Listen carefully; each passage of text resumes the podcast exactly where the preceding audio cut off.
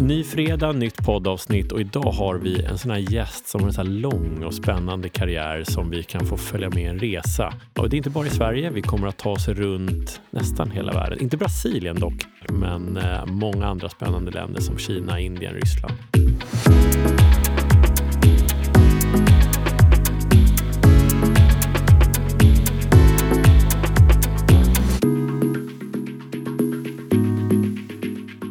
Det är Merlin Poljak, CFO för Systembolaget som vi har med oss idag. Så det är bara att luta er tillbaka så kör vi. Hej och välkomna till ytterligare ett avsnitt av Toppskiktet. Och idag har vi en CFO med oss som har lång erfarenhet. Det kan faktiskt vara så att vi har en ny ledartröja i flest år här. Och det är inte vilka bolag som helst heller. Det är Electrolux, ICA och nu på slutet här Systembolaget. Och när jag tittade igenom CV så måste jag säga att jag hade inte helt koll på de tidigare åren och då slogs jag av alla länder som du har arbetat i. När vi har pratat med personer som har arbetat med dig så beskriver de dig som intelligent, målinriktad, en riktig ledare, trevlig och intresserad. Och med det så välkomnar vi Merlin Poljak till podden. Välkommen! Tackar, kul att vara här. När du hör de orden, intelligent, målinriktad, en riktig ledare, trevlig och intresserad, vad tänker du då? Ja, alltså det var ju snällt av de som hade hört med. Målinriktad, absolut. Jag tycker det, det känns lättare för mig att jobba om man har ett mål framför sig. Eh, trevlig, absolut. Vad sa du sen? Tredje? En riktig ledare? Riktig ledare, absolut. Eh, ledarskapet är någonting som har varit nära mig hela min karriär och någonting som jag liksom verkligen försökt att förbättra eh, under hela min tid.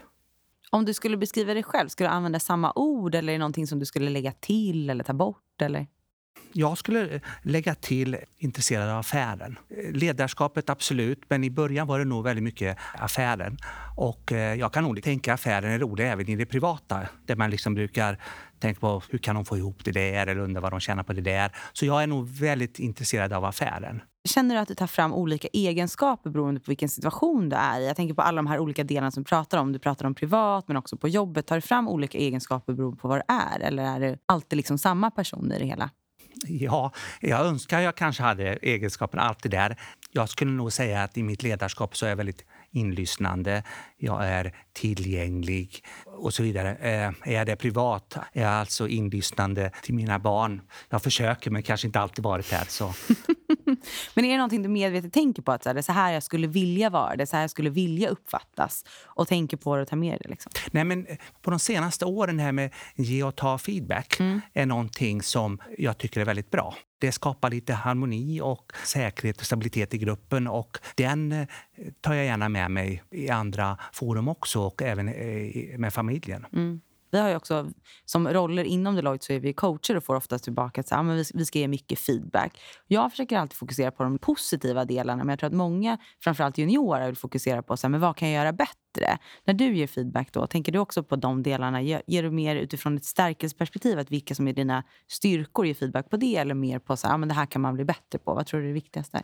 Jag tror att det går hem bättre om det är liksom lite uppåtpuffande. Mm. Eh, absolut. Och sen när man då väl har någon feedback som är liksom lite kritisk så försöker man jag säger försöker få den ändå att låta liksom att det löser sig. Va? Att våga göra igen, men kanske inte göra på det och det sättet. Jag tycker ändå liksom det ska vara på något sätt ett stärkande klimat när man ger sin feedback. Känner du själv att du är bra på att ta feedback? Även om det inte bara är uppåtpuffar utan även någon, någon konstruktiv kritik? Så? Ja, det gör jag. Det är inte så många år man har fått den här feedbacken på riktigt. Då, att, men eh, jag tycker att den hjälper en att bli bättre. Så jag välkomnar liksom feedback. Nu när jag kommit in på Systembolaget och inte varit det så länge, då kanske de blir lite förvånade när jag liksom efterfrågar feedbacken och man hör att ja, men det där och det där kanske du har tänkt på. Då tänker jag, men jag har ju redan varit där i sex månader. Den kanske du kunde ha gett mig tidigare. Va? Mm. Så jag välkomnar den här feedbacken. Tycker det är bra. Jag gillar feedback också. bra Vi har haft nu i podden har vi haft två stycken Anders här på väldigt kort tid. Nu har vi en Merlin. Var kommer namnet Merlin Poljak ifrån? Ja du, mina föräldrar är från forna Jugoslavien, Bosnien. Jag skulle inte säga att det är något jugoslaviskt namn. Min syster heter Melina och jag heter Merlin. Piffigt eller, eller fantasilöst, det vet jag inte, men jag har hört både och. Men har du träffat någon annan som heter Merlin? Men nej, egentligen inte. Historiskt så var det väl någon sån här King Arthur och hans runda bord och där var det någon sån här wizard som hette Merlin. Jag tänker så här, jag är väldigt eh, humörsberoende gällande vädret ute. Nu börjar våren titta fram, solen kommer fram och det är då jag känner att så här, nu lever jag lite bättre. Är det någonting som du ser speciellt fram emot när vi kommer in på våren?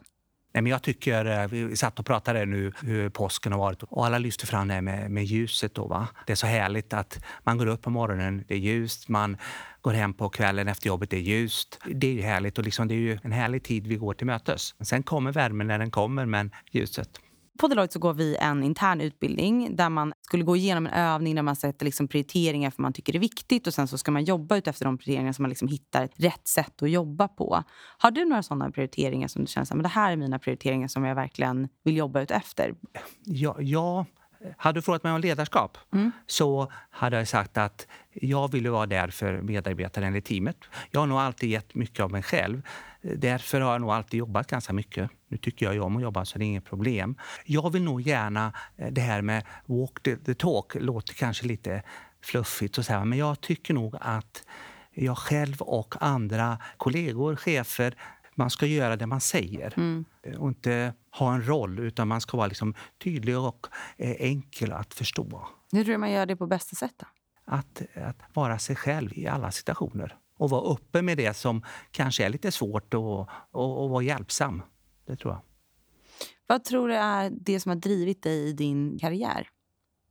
Jag har ju velat lära mig mycket och det är snabbt. Det var väl så jag tänkte. Eh, och därav kanske Niklas, du nämnde om min karriär och alla mina år. Det lät väldigt gammalt. Men jag sa det, inte många år. Nej, det är sant. det, tack. Men, eh, och det tänkte jag redan under min studietid att om jag vill lära mig snabbt och mycket och komma ut och se världen, då, då är det utlandsjobb väldigt bra. Va? Och det fick jag göra då med Electrolux främst. Och om du blickar tillbaka på hela den långa karriären, då får vi ändå säga.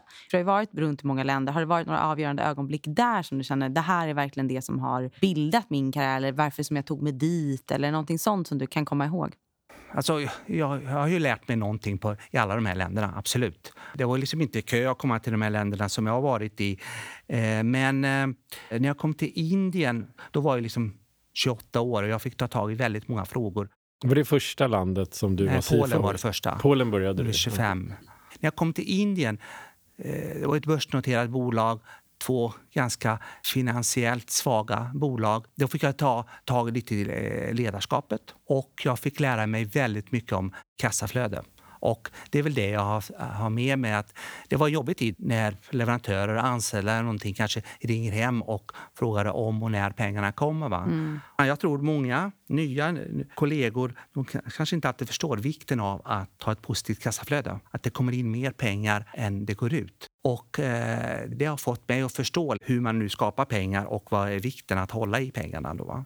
Det tror jag har varit någonting som har hängt med mig. Det gäller liksom att få någonting tillbaka om pengarna ska gå ut. Då är du 28 år ja. och du var CFO i Indien på Electrolux. Korrekt. Vad var det första CFO-jobbet? Jag var väl egentligen CFO även i, i Polen när jag kom dit. Det var någon slags general manager, CFO-roll. Det, det var, i, I mångt och mycket så var arbetsuppgifterna de samma. Mm. Vad var huvuduppgifterna som du hade där i Indien? Det var liksom finansieringsfrågor givet att vi hade då en väldigt dålig likviditet och eh, det var förluster så var det liksom väldigt mycket att försöka lösa finansieringen. Vi hade ju en stark minoritetsägare, vi hade ett bankkonsortium så det var väldigt svårt att komma ur och även om Electrolux var villig att finansiera så fick man försöka komma runt alla regler och krav och så vidare. Va? Så finansiering var ett stort, eh, att starta upp ett affärssystem. Allting var ju manuellt när jag kom ner. Det var ett hav av permar där eh, redovisningsteamet satt och bokförde eh, all försäljning och alla kvitton och så vidare. Va? Och det skulle då datoriseras. Vilken tid var det här? Det här var 95 till 97. 95 till 97. Var det ett internationellt team eller var det du och indier? Det var främst jag och indier. Jag var ju där fyra år. De första två, då var jag jag och ett gäng indier. Du var ju ändå ganska ung CFO och själv, eller man ska säga, från Sverige. Så vad var den tuffaste utmaningen att komma dit? Ja, det var ju att man fick ju liksom sätta sig in i alla frågor höga som låga. Jag fick ett stort team och jag fick sätta mig in i de här börsfrågor, jag fick sätta i finansieringsfrågor, sätta ut ett affärssystem. Jag hade aldrig gjort sånt förut. Jag tror att Lexus de gav en möjligheterna och sen fick man liksom ta möjligheten eller inte. Va? Och det var väl inte så att det var en jättelång kö av sådana som ville just till Indien. Men för mig var det liksom börsnoterade bolag, tillverkande bolag. Det var det, precis det jag ville göra. Hur fick du frågan? Sökte du den eller var det någon som letade upp dig? Och... Ja, först hade jag jobbat, då kallade Electrolux detta eh, emerging markets. Och först hade jag jobbat i, i Polen och där eh, hade det gått ganska bra. Jag har väl alltid liksom sökt upp de ansvariga cheferna för de här olika länderna. Så jag, jag sökte mig nog till dem och frågade kommer någonting annat upp. Det kanske inte var Indien. Jag hade kunnat åka till Kina eller Brasilien eller något annat. Men då var det Indien som kom upp och då sökte jag och då fick jag det. Vad hände efter det då, Indien? För då gick du vidare till ett annat land. Då gick jag vidare till Kina och var där i fem år. Tog du med dig hela familjen då, eller hur fungerade det? Ja, jag har alltid haft med mig familjen. Min exfru hon, hon åkte hem för varje gång hon skulle föda barn. Vi har, vi har fyra barn. Så hon åkte hem och födde och sen lite senare så kom hon till de här länderna där jag var. Vad var den största skillnaden mellan Kina och Indien? Då, ett, alltså privat var det väldigt mycket lättare att leva. I Kina? Ja, det, det fanns eh, snabbköp, det fanns eh, el varje dag och det fanns fungerande aircondition. Och Det låter lite löjligt, men just då så var det väldigt viktigt. Speciellt när man hade små barn. No, det kan jag förstå. men eh, största skillnaderna? Vi hade en större närvaro i Kina. I slutet på 90-talet, början på 2000-talet, då, då var väldigt många svenska bolag där och man skulle liksom gräva guld. Var. Det var dock inte så enkelt att göra det. Vi hade fler fabriker. Vi hade en verksamhet som hade varit där även en längre tid som vi nu liksom börjar se, okej, okay, ska vi fortsätta? Ska vi stänga ner dem, organisera om och så vidare? Men det var främst på den privata sidan. Det var mer likt Sverige när man kom till Kina än det var i Indien. Var det så att du hade gjort ett bra jobb i Indien och ta, men nu tar vi vidare dig till en större, bättre marknad och att du hade bevisat dig själv? Eller var det återigen att du sökte dig dit? Och kanske var en kombination? Ja, alltså Kina var en utmaning och det var egentligen dit jag inte ville helst. Varför då? Nej, men jag hade hört att det, det, var jobbigt och det var mycket att eh, ställa i ordning. Och jag hade tänkt mig att mitt nästa jobb med sköter skulle vara liksom Brasilien eller USA eller något sånt där. Men, men eh, då sa nej men vi tycker du ska åka till eh, Kina. Så åk över och titta. Och då gjorde jag det och tog med mig familjen och tittade lite. Och jo, men det verkar ändå då bra. Det tänkte jag. Och jag liksom tog det lite som en utmaning att ja, men det här kan jag nog göra bra. Vilken stad var det i Kina? Det var Peking. I Peking. Men vad var de stora kulturella skillnaderna? Är det likt att arbeta eh, på ett svenskt bolag i Indien jämfört med Kina eller är det någonting som skiljer sig? Alltså i Indien så kunde jag ju prata engelska. Det fungerade bra. Att åka runt i Kina och liksom ha sina diskussioner, möten, då hade jag alltid en assistent. Hon översatte. Och sen fick man översättning tillbaka och sen hörde man det. Va? Så det kunde bli ganska långa möten. Och man, man känner att liksom diskussionen, att frågan gick inte fram eller att man, svaret man fick var inte det rätta. Då, va? Jag vet inte om jag har rätt, men jag tyckte att när jag var i Indien så var det ofta liksom mycket mer strategiska, teoretiska frågor och de gillade att diskutera det eh, innan man har satt igång. I Kina var det liksom lite mer arbetsgiver och man ville sätta igång och testa och prova. Vilket föredrar du? Nej, men jag, jag föredrar nog eh, att man kommer igång, man testar. Bara liksom det är inte huvudlöst. Men eh, med de här teamen man jobbade med så tycker jag att man, vi kom igång mycket snabbare och, och provade i Kina. Hur såg en ekonomifunktion ut här i Indien och, och, Kina? Du sa att det var mycket papper. Vad fanns det för affärssystem och hur såg business controlling ut? Ja, alltså först så fanns det bara papper när jag var i Indien. Men den, eh, efter något eh, halvår, år, så fick vi in det mesta i systemen. Då, va? Vi, vi hade nog liksom olika kalkyler på okay, vad, vad tjänade vi per kylskåp. Och sen kunde man liksom räkna med okay, så här mycket kylskåp måste vi sälja för, för att få den här vinsten och för, för, att täcka de här kostnaderna och för att se vad vi får längst ner. Och givet att det då var förluster så var det liksom att gå från negativt till att nå en break-even. Och det var väl den vi eh, drev mot eh, främst. Liksom, hur mycket intäkt måste du ha för att först börja täcka dina fasta och sen har du dina rörliga kostnader och så vidare. Så det var ganska basics. Men eh, eh som jag sa, det, det här med kassalikviditeten, att det var ju liksom väldigt mycket på den vi styrde. Att man verkligen eh, att man fick runt eh, affären. Mm. Intressant. Jag har ju fått frågor nu här under pandemin och nu i den situationen vi har från personer jag inte känner som skickar in frågor om hur ska jag prognostisera min likviditet nu med krisande logistikkedjor och liknande. Mm. Och det är intressant. Det är, då kan det vara bra att ha den erfarenheten. absolut. Vad hände efter Kina sen? Ja, då blev det ett land till, då blev det Ryssland. Det är inte dåliga länder du valde att arbeta i. Nej, nej, men, Ändå ville du till Brasilien. ja, men jag tänkte liksom fotboll och fint väder och så vidare. Ja, men Ja, det blev men det blev Ryssland. Det Ryssland. blev Rys- Ryssland. Jo, absolut. Det, var väl bekvämt att skicka mig dit. Men eh, som sagt, jag ville ju va. Det var liksom Var det Moskva då? Eller vad? Då var det Moskva. Och det var lite annat. Det här var väldigt mycket eh, att göra business. Va? När var det här? 2004 till 2007. Okej. Mm. Så det var ändå ett tag sedan. Men det var väldigt mycket att gö- göra affärer med nyrika ryssar. Mhm. Men hur var skillnaden där då? Från att gå från Indien där man liksom ville diskutera till Kina där man ville göra. Hur blev det sen i Ryssland? I Ryssland var det ju att i början så eh, sålde vi via Finland. Det var de transportflödena vi hade. Och det, det var det väldigt mycket att vi sålde liksom lastbilar med vitvaror. Och där var det liksom att se till att de har bra garantier så att man verkligen fick in pengarna och att det gjordes på rätt sätt. Ibland så blev man ju då erbjuden att det, vi skulle ha transaktioner via något sånt där land som vi egentligen inte vill hålla på med, British Virgin Islands och så vidare. Men det, den affären gjorde vi inte, utan det var liksom att se till att affären var rätt och riktig och att pengarna fanns där på förfallodatum. Var det svårt att stå emot de förfrågningarna? Att ja, men vi skulle vilja ha dem till British Virgin Islands? Eller var det ett svårt beslut att ta eller att ha den dialogen? Ja, alltså man ville ha försäljning, men eh, vi hade ju en kreditpolicy och den eh, ville vi följa. Va? Många andra bolag fick ju problem. Att man kanske ville ha försäljningen men man kanske inte alltid fick pengarna. Då. Eller att det bolaget som man kanske hade affär med kanske var lite tveksamma. Va? Så vi, det var väldigt viktigt att se till att de man hade affärer med, att de var ändå rumsrena. Du antar att du bodde där några år, Tre. tre år i Ryssland. Och nu ser vi på nyheterna att Ryssland invaderar Ukraina och allt det där. Är det några tankar som kommer när du har bott i Moskva och liknande? Det är klart att det är hemskt tråkigt. Eh, Jag har träffat väldigt många jättebra människor både i Ryssland och Ukraina. Jag åkte relativt ofta till Ukraina och hjälpte dem där också. Och eh, Ryssland i sig tuffar väl ändå på nu hyfsat ekonomiskt men eh, Eh, man har, jag har ju väntat länge på att eh, Ukraina ska dra sig ur och bli ett bra land, ungefär eh, lika starkt som Polen då, va? som har utvecklat sig väldigt mycket. Men kommer liksom inte loss. Och därför är det så tråkigt att se det som då sker just nu med att ja, hela deras liv och ekonomi går i spillror. Framtiden är ganska långt bort. Eller, det, får, det får man ju se, va? men det hjälper ju inte.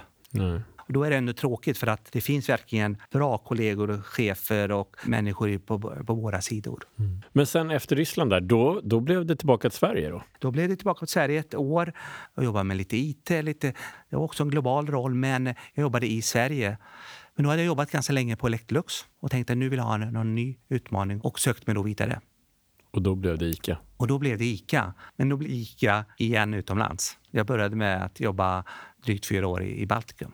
Det man nästan inte vet om att ICA har, men ICA har ju faktiskt det. Ja, när jag var där så var det i alla fall två på marknaden om man tittar på hela baltiska marknaden. Men det var ju CFO-rollen som du fortsatte i. där. Ja. Det är CFO jag har förblivit, känns det som. Ja. Var det ett uttalat mål från början? Liksom? Jag tänker, du var ganska ung när du fick i princip din första CFO-roll. Har det varit ett mål från ditt perspektiv? Jag tänker att du är målinriktad som du har sagt. Så här, men dit vill jag och det här vill jag göra. Ja, jag hade nog trott att jag någon gång, liksom att jag, när jag har lärt mig ekonomi väldigt eh, bra, då ska jag liksom gå över till vd-rollen. Så hade jag gärna sett, för jag kan liksom förlika mig till att okej, eh, att då nästa roll blir liksom lite strategiska frågor, det blir hela försäljningen och så vidare, att göra affären då, va, och ta ansvar för hela biten. Men eh, sen blev det liksom fortsatt finans och sen givet att CFO-rollen tycker jag ändå har breddats, så man får ta hand om väldigt mycket mer nu för tiden. Men lever vd-drömmen fortfarande eller känner du att nej, men jag har hittat rätt i CFO-rollen? Nej, men jag tror att jag har hittat rätt. Va? Och nu har jag precis börjat på ett nytt bolag och vill liksom göra det bästa av det. Du säger att det har breddats CFO-rollen. Ja. Vad är det framför allt som har tillkommit? Och du tänker på början där med Electrolux men också alla dina år på ICA. ja, alltså jag tänker det, det är mer ledarskap. Förr kanske man hade sina team, nu är det kanske flera team. Det är tvärfunktionella team man driver. Nu på Systembolaget så har jag ansvar för informationssäkerhet till exempel. På ICA så hade jag ett ansvar över automationen. Så jag tänker att ledarskapet har breddats och sen tycker jag det är nyttjandet eller behovet av ny teknik och förstå den. Och jag skulle säga också compliance. Kanske inte det roligaste, men regelefterlevnaden, den måste liksom vara rätt. Är den där för att stanna? Att CFO kommer ta hand om regelefterlevnad och compliance?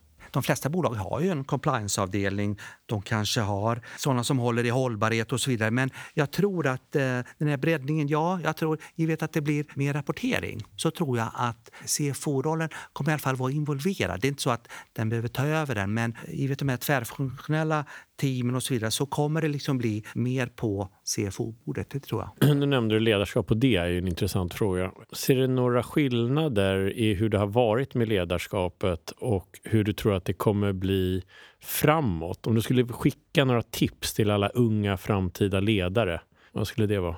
Jag sitter fortfarande och tänker på eh, det du sa om min långa karriär. Men eh, tillgängligheten som jag alltid haft, då, den tror jag varje medarbetare, varje team önskar sig. Och sen det här med tillit. Nu tror jag att de unga vuxna eller som kommer in i det, de vill pröva på. De vill se att det går snabbare och jag tror att kan man då ge dem tillit Även om det går fel, låt dem prova och göra lite fel. Så länge man har lite eh, tydliga ramar och låta dem våga och låta dem fejla. Men liksom lära av det. Det skulle jag skicka med. Tillgänglighet, tillit. Och våga.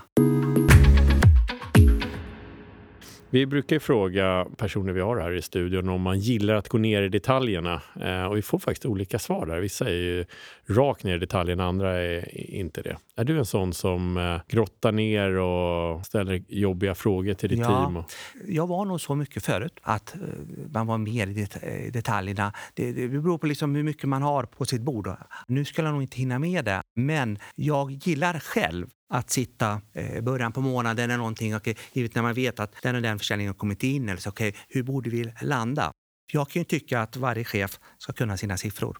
Landar man ungefär där man har trott, då tycker jag att man har koll. Då har man liksom lite det där med forecasting accuracy. Va? Och det tycker jag att eh, det ska man ha. Men eh, det är inte så att jag är nere och petar utan vi får ett controlling team som gör all planering och gör all rapportering och så vidare. Va? På forecasting accuracy, är, är det så att du har haft chefer ute i verksamheten som har sagt att ah, men jag når 10 och sen så når de 12 istället. Vill säga att de är bättre, de slår sin ja. forecast och du blir arg på dem för att de inte är transparenta och har bra forecast.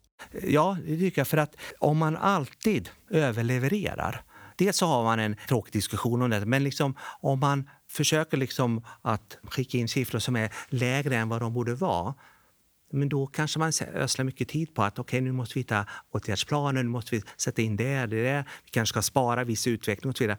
Och sen har man liksom gjort det förgäves. Det har liksom inte behövt. Det hade varit roligare att kunna satsa framåt än att eh, spara sig till det här resultatet då, som inte behövdes. Så med forecast accuracy tycker jag är väldigt viktigt.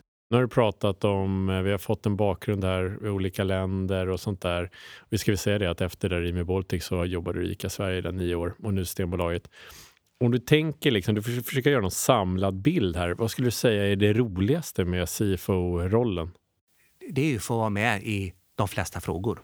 Och i slutändan så finns det alltid någon intjäning eller någon kostnad som ska till och jag eller mitt team får ju den här frågan. Som CFO så tänker jag att vi ska ta det här finansiella ledarskapet. Och det är väl det roliga, liksom att, det, att man behövs. Och det att det är bra att du säger att det handlar om finansiella delarna eftersom det är lite core när det gäller själva CFO-rollen. Om du vänder på det då, är det någonting som du känner så här, alltså det här skulle jag gärna vilja bli av med om jag får stryka något i min roll? Eh, jag pratade, jag sa ju förut om regelefterlevnad och så. Det är väl inte det som jag tycker är roligast. Men då är det liksom eh, jättebra att de har liksom kunniga kollegor som brinner för det eller tycker till och med att det här är roligt. Va? Men just den kanske rollen med compliance-delen är väl kanske den som jag inte mest går igång på. Däremot så är den viktig. För ungefär ett år sedan så eh, valde du att gå till Systembolaget. Och det är en liten annan typ av verksamhet om du jämför med Electrolux och Ica. Och så. Vad var det som drev dig att gå till Systembolaget? Det är ett fint bolag, starkt varumärke med en intressant produkt. Så har det alltid varit för mig, även på Electrolux och Ica. Och när Systembolaget ringde så tänkte jag ja, why not? Sen är det klart att jag hörde mig för och vi hade intervjuer och jag fick ställa mig frågor och så här, va? Inte så att det var ett, ett statligt bolag. Sen har jag också förstått vad det innebär. Ja, jag, jag tänkte just det. Om vi, här, jag tror att det inte är helt klart för alla vad, vad gör en CFO på Systembolaget? Vad är du ansvarig för? Mycket är väldigt likt. Va? Eh, vi har en affärsmodell och vi har en ägare som vill att det ska vara ett välskött bolag. Vi kallar oss affärssupport, men eh, där har vi då som vanligt ekonomi, delen, säger redovisning, controlling och eh, risk Där har också internt inköp. Sen har vi säkerhetsfrågorna. Nu är det mera inte bara fysiskt utan även eh, cybersäkerhet. Ja, det ligger under ditt ansvarsområde. Ja. Mm. Och sen har vi en, eh, en utbildningsenhet som är ute på Skarpö där eh, alla på bolaget och väldigt mycket butik utbildar sig i smak och sensorik och alkoholdrycker och så vidare. Och det ligger under ditt ansvarsområde? Ja, alltså ja. tillhandahålla utbildningsenheten. Ja, inte genomföra utbildningen. Nej, nej. Eh, ja, alltså just de som är ute på Skarpö de kan lära ut hur man lagar rätt mat till vissa drycker och så vidare. Va? Så smak och sensorik och så vidare. Mm. Har du gått den utbildningen? Nej, men den skulle jag jättegärna vilja gå. Jag ska bara få loss lite tid. Så. får man, om man är CFO, får man hoppa på det? Men jag vill ha mer den där utbildningen. Ja, Aha. Ja, och man får vara med vid kvalitetsprovningar och sitta där och lyssna och, och titta hur, hur Men det inte går smaka? Till. Jo, det, det, kan du göra, men det gör man nog mer i de här uh, dryckesprovningskurserna. Nu är jag ute, lite ute på halis, men det finns väldigt mycket sånt där. Och det är väl därför uh, vår butikspersonal är så pass duktiga och kunniga mm. och kan liksom föreslå ute i mm. butik. Det är alltid bra att veta de här förmånerna för olika bolag. Scania får man så här lastbilskörkort, jag vet inte om de har kvar det. Men, det. Ja. men då får man gå dryckesutbildningar då på Systembolaget. Ja, absolut. Du sa att du hade haft intervjuer och pratat sådär, men sen när man ändå tar steget över, mm. Är det någonting som har förvånat dig i rollen? Ja, alltså man har ju en affärsmodell. Det har väl alla bolag. Men det största skillnaden är att här premieras inte ytterligare försäljning. Det är ingen vinstmaximering. Man sitter inte och tänker på okej, okay, hur kan man få upp försäljning eller bruttovinster. och så vidare. Utan här är det ju mer att sälja med ansvar. Man har en produkt, man, men det är lite inte så att man pushar för den. Det kommer inte finnas några kundklubbar eller kvantitetsrabatter. Och så. Å andra sidan så finns det det här med eh, alkoholens nedsidor och alla skadeverkningar och så vidare. Så det är väl det är den eh, vågskålen, att man, man får lära sig att balansera. Hur balanserar man den?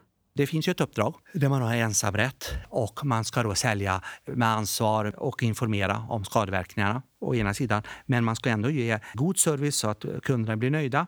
Och givet att man inte då kan skruva på försäljningen så får man liksom titta på kostnaderna. Så för min del är det liksom att se till att vi är effektiva på kostnadssidan i butik och på huvudkontoret. Vi har ju också ett kostnad intäktsmål. Vi har ju avkastning på eget kapital, vi har soliditet som vi ska möta.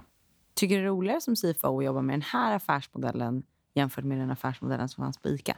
Ja, alltså det var den som jag fick tänka till innan jag tog det här jobbet. Eh, och jag fick ju den frågan också själv från rekryterarna och så, va? Hur, hur jag kommer trivas med den. För jag har alltid försökt optimera resultat. Va? Eh, men jag tänker att uppdraget som Systembolaget har, ett, så fint uppdrag som förpliktigar. Här liksom försöker man göra gott. Man erbjuder alkoholhaltiga drycker va, som då ska njutas, men att man värnar ändå om folkhälsan. Man har liksom olika program, barndom utan baksmälla och så vidare. Va? Och det plus att det finns mycket framåt, bra som Systembolaget skall och kan göra, eh, som liksom fick mig liksom att tänka att det här kan bli roligt och intressant. Hur ser det ut när man har, eh, du sa dyka ner i siffror och sånt där, när månaden är slut och man ser resultatet och sånt där. Hur ser ett bra månadsresultat ut? Det är inte så att vi tittar på att oj, nu blev det 3% upp eller ner och att man applåderar det. Man försöker förstå det. Vi har ju ändå en plan, en verksamhetsplan där vi har resultat per månad och då har vi ändå lagt oss på en nivå där intäkterna och bruttovinsten ska ungefär täcka våra kostnader. Så ligger vi rätt, då ligger vi ungefär enligt plan. Och då skulle jag säga att det är ett bra resultat för att vi har ändå fått accepterat att den här verksamhetsplanen ska ge, ge oss både att vi når uppdragsmål och våra ägarmål, ekonomiska ägarmål. Och kan vi nå de båda två målen, ja men då är jag nöjd. Jag tänkte vi kunde gå vidare och bara prata lite kort om team och ledarskap. Och, vi har pratat en del om ledarskap, men du har gått in i CFO-rollen på nytt i flera organisationer. Det pratar om allt ifrån Indien, Ryssland och Kina och sen Rimi Baltics eh, och, och nu Systembolaget och Ica och sådär. Hur gör man då när det gäller teamet? Bygger man ett nytt team runt sig med nya personer eller har du en hundradagars plan? Hur går man tillväga för att, för att komma igång på bästa sätt? Jag tänker att man alltid får vara ödmjuk när man kommer dit. Eh, nu är det liksom på Systembolaget jag jobbar och jag försöker lära mig deras kultur. Så jag tänker att man försöker komma in i den kulturen när man kommer in och försöka eh, lyssna in teamet och sen fyller man på med det man själv kan bidra med. Va? Men jag tror att först så ska man lära sig av sina kollegor i teamet och av bolaget. Och sen kan man liksom fylla på med det som man har tänkt sig att man ska bidra med. Men det är klart att jag fick ju själv frågan, vad kan du själv bidra med? Eller man har liksom tänkt tanken, liksom, okay, vad är det jag ska bidra med? För man vill ju gärna tro att man kan bidra med någonting. Och eh, förr eller senare så vill man gärna att ja, men det här och det här fungerade. Det här vill jag gärna ta till Systembolaget. Eller jag vill i alla fall testa den. Vad tror du är ditt största bidrag som du kan ta med dig från ICA till Systembolaget? Jag skulle vilja att vi lyfter affärsmannaskapet än mer. Vi, vi ska ju vara affärsmässiga, men jag, jag, tror att vi skulle kunna vara lite bättre där. Se över, kanske förhandlingar, kanske i prioritering av investeringar. Se till att vi verkligen får tillbaka och följer upp investeringar. Vi har väldigt mycket investeringsbehov framåt, så att vi då gör rätt när vi investerar. Va? Sen är det med att använda nyttjande av ny teknik, lite nytt ledarskap, syning, eh, hoppas jag också kunna hjälpa till med.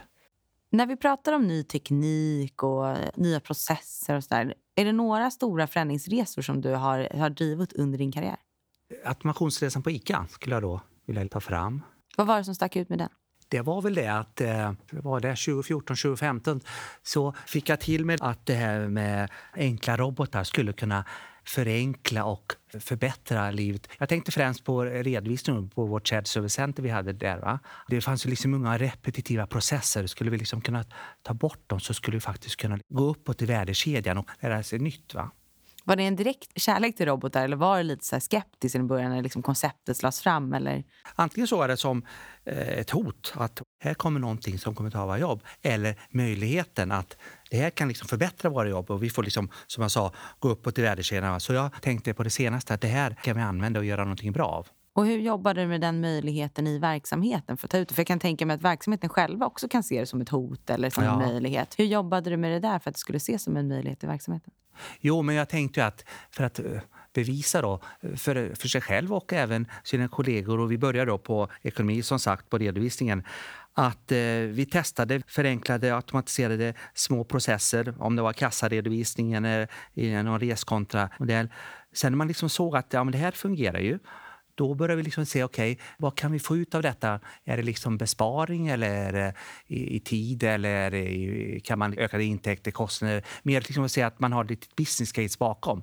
Och när man då såg att okay, det fanns ett business case bakom, då började vi skala upp det, det här programmet. Först var det liksom bara lite proof of concept. Sen blev det mer eller mindre ett program. Vad är det som är viktigt som en ledare att ta fram under ett sånt förändringsarbete? Jo, men att få med sig kollegorna, med, eh, dels cheferna, varför vi skulle göra det här, men också det här givetvis eh, medarbetarna. Att om vi då ser att vi förenklar, eh, för medarbetarna satt ju och såg på skärmen när någon liten robot gjorde ens jobb. Och vad händer då med mig? Vad skulle vi då göra? Jo, men då kan vi liksom ta på oss mer jobb. Vi kan öka våra kompetenser. Vi kan öka vår kvalitet. Man får bort det där tradiga, repetitiva. Varför blev du ansvarig för automationsprogrammet? För att jag var intresserad av det. Och eh, jag hade en kollega hos mig som var också liksom lite processansvarig. Så jag han drog igång det här och sen fick vi fler med oss. Men det var väl kanske också för att min erfarenhet säger i alla fall att på finans så ser man väldigt mycket mer i processer och vi kan eh, lättare ta till oss detta. Det träffar nog oss på finans mest. Vad tror du att det gjorde som blev att det blev framgångsrikt från ert perspektiv? Vi fick ju fram ett antal bra case där man såg att det fanns tid att spara. Det var lite i tiden också att Ica ville vara ett datadrivet bolag. Vi ville använda den senaste teknologin. Åt andra hållet, vad var den tuffaste delen av hela den förändringsresan? Den tuffaste delen det var väl att när det kom till neddragningar då skulle man ju få medarbetarna både att jobba med den här eh, roboten eller digitala kollegan som vi sa samtidigt som man avvecklar sig själv. För det var ju så att vi kunde liksom inte hitta jobb till alla och då var det tvunget att det skulle vara lite eh, neddragningar. Det var ju bra för resultatet men det var ju tråkigt att det skulle gå ut över en, en kollega. Vi försökte lösa det på ett smidigt sätt men det var ju inget roligt. Det kan jag förstå. Du nämnde att ni nämnde dem som digitala kollegor. Jag vet att ni satte namn på dem. Finns det då alltså en robot som kanske heter Merlin? Nej, Nej. Vad är det enda du vi, vi, höll oss, det, vi höll oss till... Eh, vdn fick ett namn, ordföranden fick ett namn. Eh, nej, vi fick ingen Merlin-robot. Du kanske får skriva ett brev och be, be om att nästa robot som kommer får heta Merlin, även fast jag lämnar. Nu kanske programmet har fortsatt, så det kanske Ja. finns en nu som du Någon inte vet om. intelligent och målinriktad. på. Exakt! En sån. Trevlig. Du var ju ändå på ICA i nästan nio år. Och Det har hänt väldigt mycket inom dagligvaruhandeln. Vi pratat om pressade priser, det har varit ute i media om hur Mm. man ska få de stora jättarna att trycka ner priserna. Är det någon turbulens som du ser kommer vara kvar eller är det bara momentant för nu? Eh, jag tror att det är momentant. Alla behöver ju mat och alla följer ju priserna. Va? Sen har det varit en hås över detta och vem ska ställas ansvarig och så vidare. Va? Men jag tror att det, det kommer lägga sig. Det är några andra så här, trender som du ser inom dagligvaruhandeln eller som du kan ha sett innan du liksom lämnar som du tror att det här är det vi ska ha koll på som kommer framöver? Jag tror ju att det här med digitaliseringen eh, fortsätter ju. Dels för att hjälpa kund, personifiering. Eh, det tror jag att det kommer bli mer och mer. Hur man nu kan skräddarsy det till just dig som kund. Va? Mm. Det är något annat förutom det som du kan se som kommer påverka själva branschen i sig? Jag tror det här med obemannade butiker, det har ju fått lite fäste. Skulle man bara kunna ha en, en bra lösning där man kan ta betalt på ett bra sätt och sä- säkert sätt. Är det det som du ser som är den största utmaningen? Att liksom ta betalt för det i de obemannade butikerna? Eller? Ja, att det liksom inte blir integritetskränkande också. Vi har alltid den, det finns ju alltid kameror och så vidare. Och hur tar vi då betalt på ett bästa sätt? Mm. Jag tänkte vi kan gå vidare till någonting som jag tycker om att diskutera och det är framtidens ekonomifunktioner. Du har ju pratat lite grann om att CFO-rollen har vidgats till Mm. fler delar. Du har ju drivit automationsprogram och det ledarskap och nu har du hand om en kursgård och sådär. Men vad tror du framåt? Hur kommer CFO-rollen att utvecklas framåt? Ja, alltså, eh, vi kommer väl alltid hjälpa andra att ta bättre beslut. Så jag tror att eh, använda all information för att kunna ta ett bättre, bättre affärsmässigt beslut. Att det finns ju så otroligt mycket eh, information där ute och använda då den här avancerade analys, använda visualiseringsverktyg för att då kunna analysera och man kommer nog efterfråga mer och mer datadrivna analyser från controllingfunktion till exempel.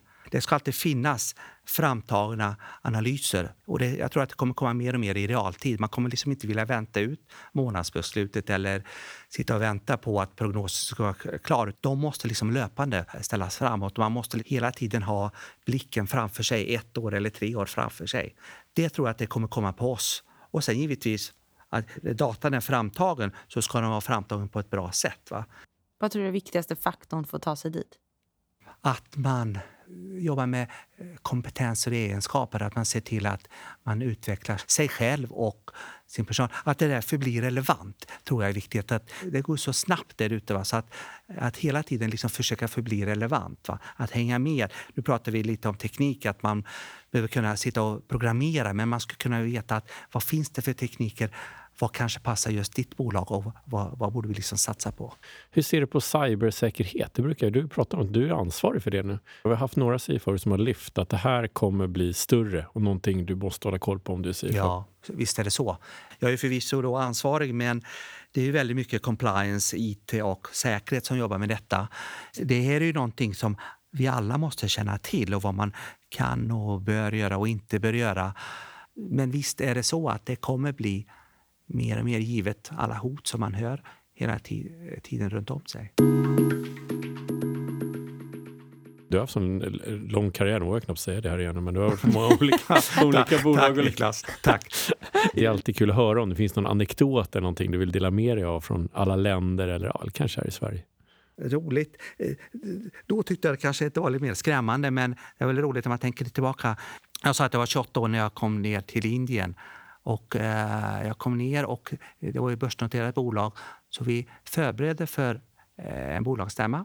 Och jag satt då med ledningen och det var inte så mycket jag förstod. Men jag förstod att jag skulle hålla min finansdragning och så vidare. Men, eh, men det här var ju då, det var ett bolag som, det var liksom inte så finansiellt lyckat. Så maten som skulle serveras på den här bolagsstämman, den var inte eh, så påkostad. Den presenten som alla aktieägarna förväntade sig, man brukar alltid ge en present till alla aktieägarna, den var inte alls dyrbar. Och eh, vi var alla lite nervösa hur det skulle liksom tas emot och så åkte vi dit. Och halvvägs dit så stannade vi och eh, hoppade in i mindre bemedlade bilar. Små bilar åkte fram till eh, baksidan av byggnaden och när vi kom in där så var redan väldigt mycket människor där. Det var högljutt och det kändes som ingen trevlig stämning. Men vi hoppade upp där på podiet och eh, drog våra eh, frågor och vi fick igenom våra beslut tills i slutet då där eh, aktieägarna liksom kom bara närmare närmare podiet. Och vi som var då från Sverige tittade på varandra. Vad var det som hände? Men då hade då just ordföranden liksom bättrat på den här gåvan som aktierna skulle gå. Och när han bättrat på den, då blev det lugnare. Vi kunde rusa ut från byggnaden, hoppa in i bilarna och åka hem. Då var det inte så roligt. Då var jag liksom ganska förskräckt. Då. Men, Men vad var det för gåva? Jag undrar också. Vad var det, det var någon kastrull eller någon blender eller något sånt där. Va? Det var ingen jättesak. Men där och då så var jag lite uppskakad. Va? Men jag ville ju liksom lära mig och eh, det fick jag göra med Electrolux. det, var, det var helt galet. Så ni bytte bil och din bara... Ja, det var... ja. Kändes li lite som en film. ja, faktiskt. När du beskrev. Ja, jag, jag känner mer som lite, liksom, lite lynchstämning där. Mm. Va? Som en film, en liten ja, thriller. Ja, det var lite... Vi har fått lite vintips av lite vinälskare förut i podden. Niklas har inte riktigt varit nöjd med de tipsen. Han har faktiskt testat och inte varit nöjd. Så jag tänkte bara fråga som en avslutande fråga. Vad är ditt favoritvin på Systembolaget? Eh, vi brukar inte uttala oss om våra favoritviner och så vidare. Om vi vänder på frågan då, vad är er bästa alkoholfria dryck istället? Jo, men det finns bra alkoholfria drycker. Det finns även på burk lite såna här mousserande, alkoholfria mousserande viner de är ganska eh, lyckade och en burk innehåller liksom typ ett glas. Det är perfekt. Med det Marilyn så får vi säga stort tack för att du kom och gästade podden. Mm, tackar. Ja, tack så jättemycket. Tack, tack.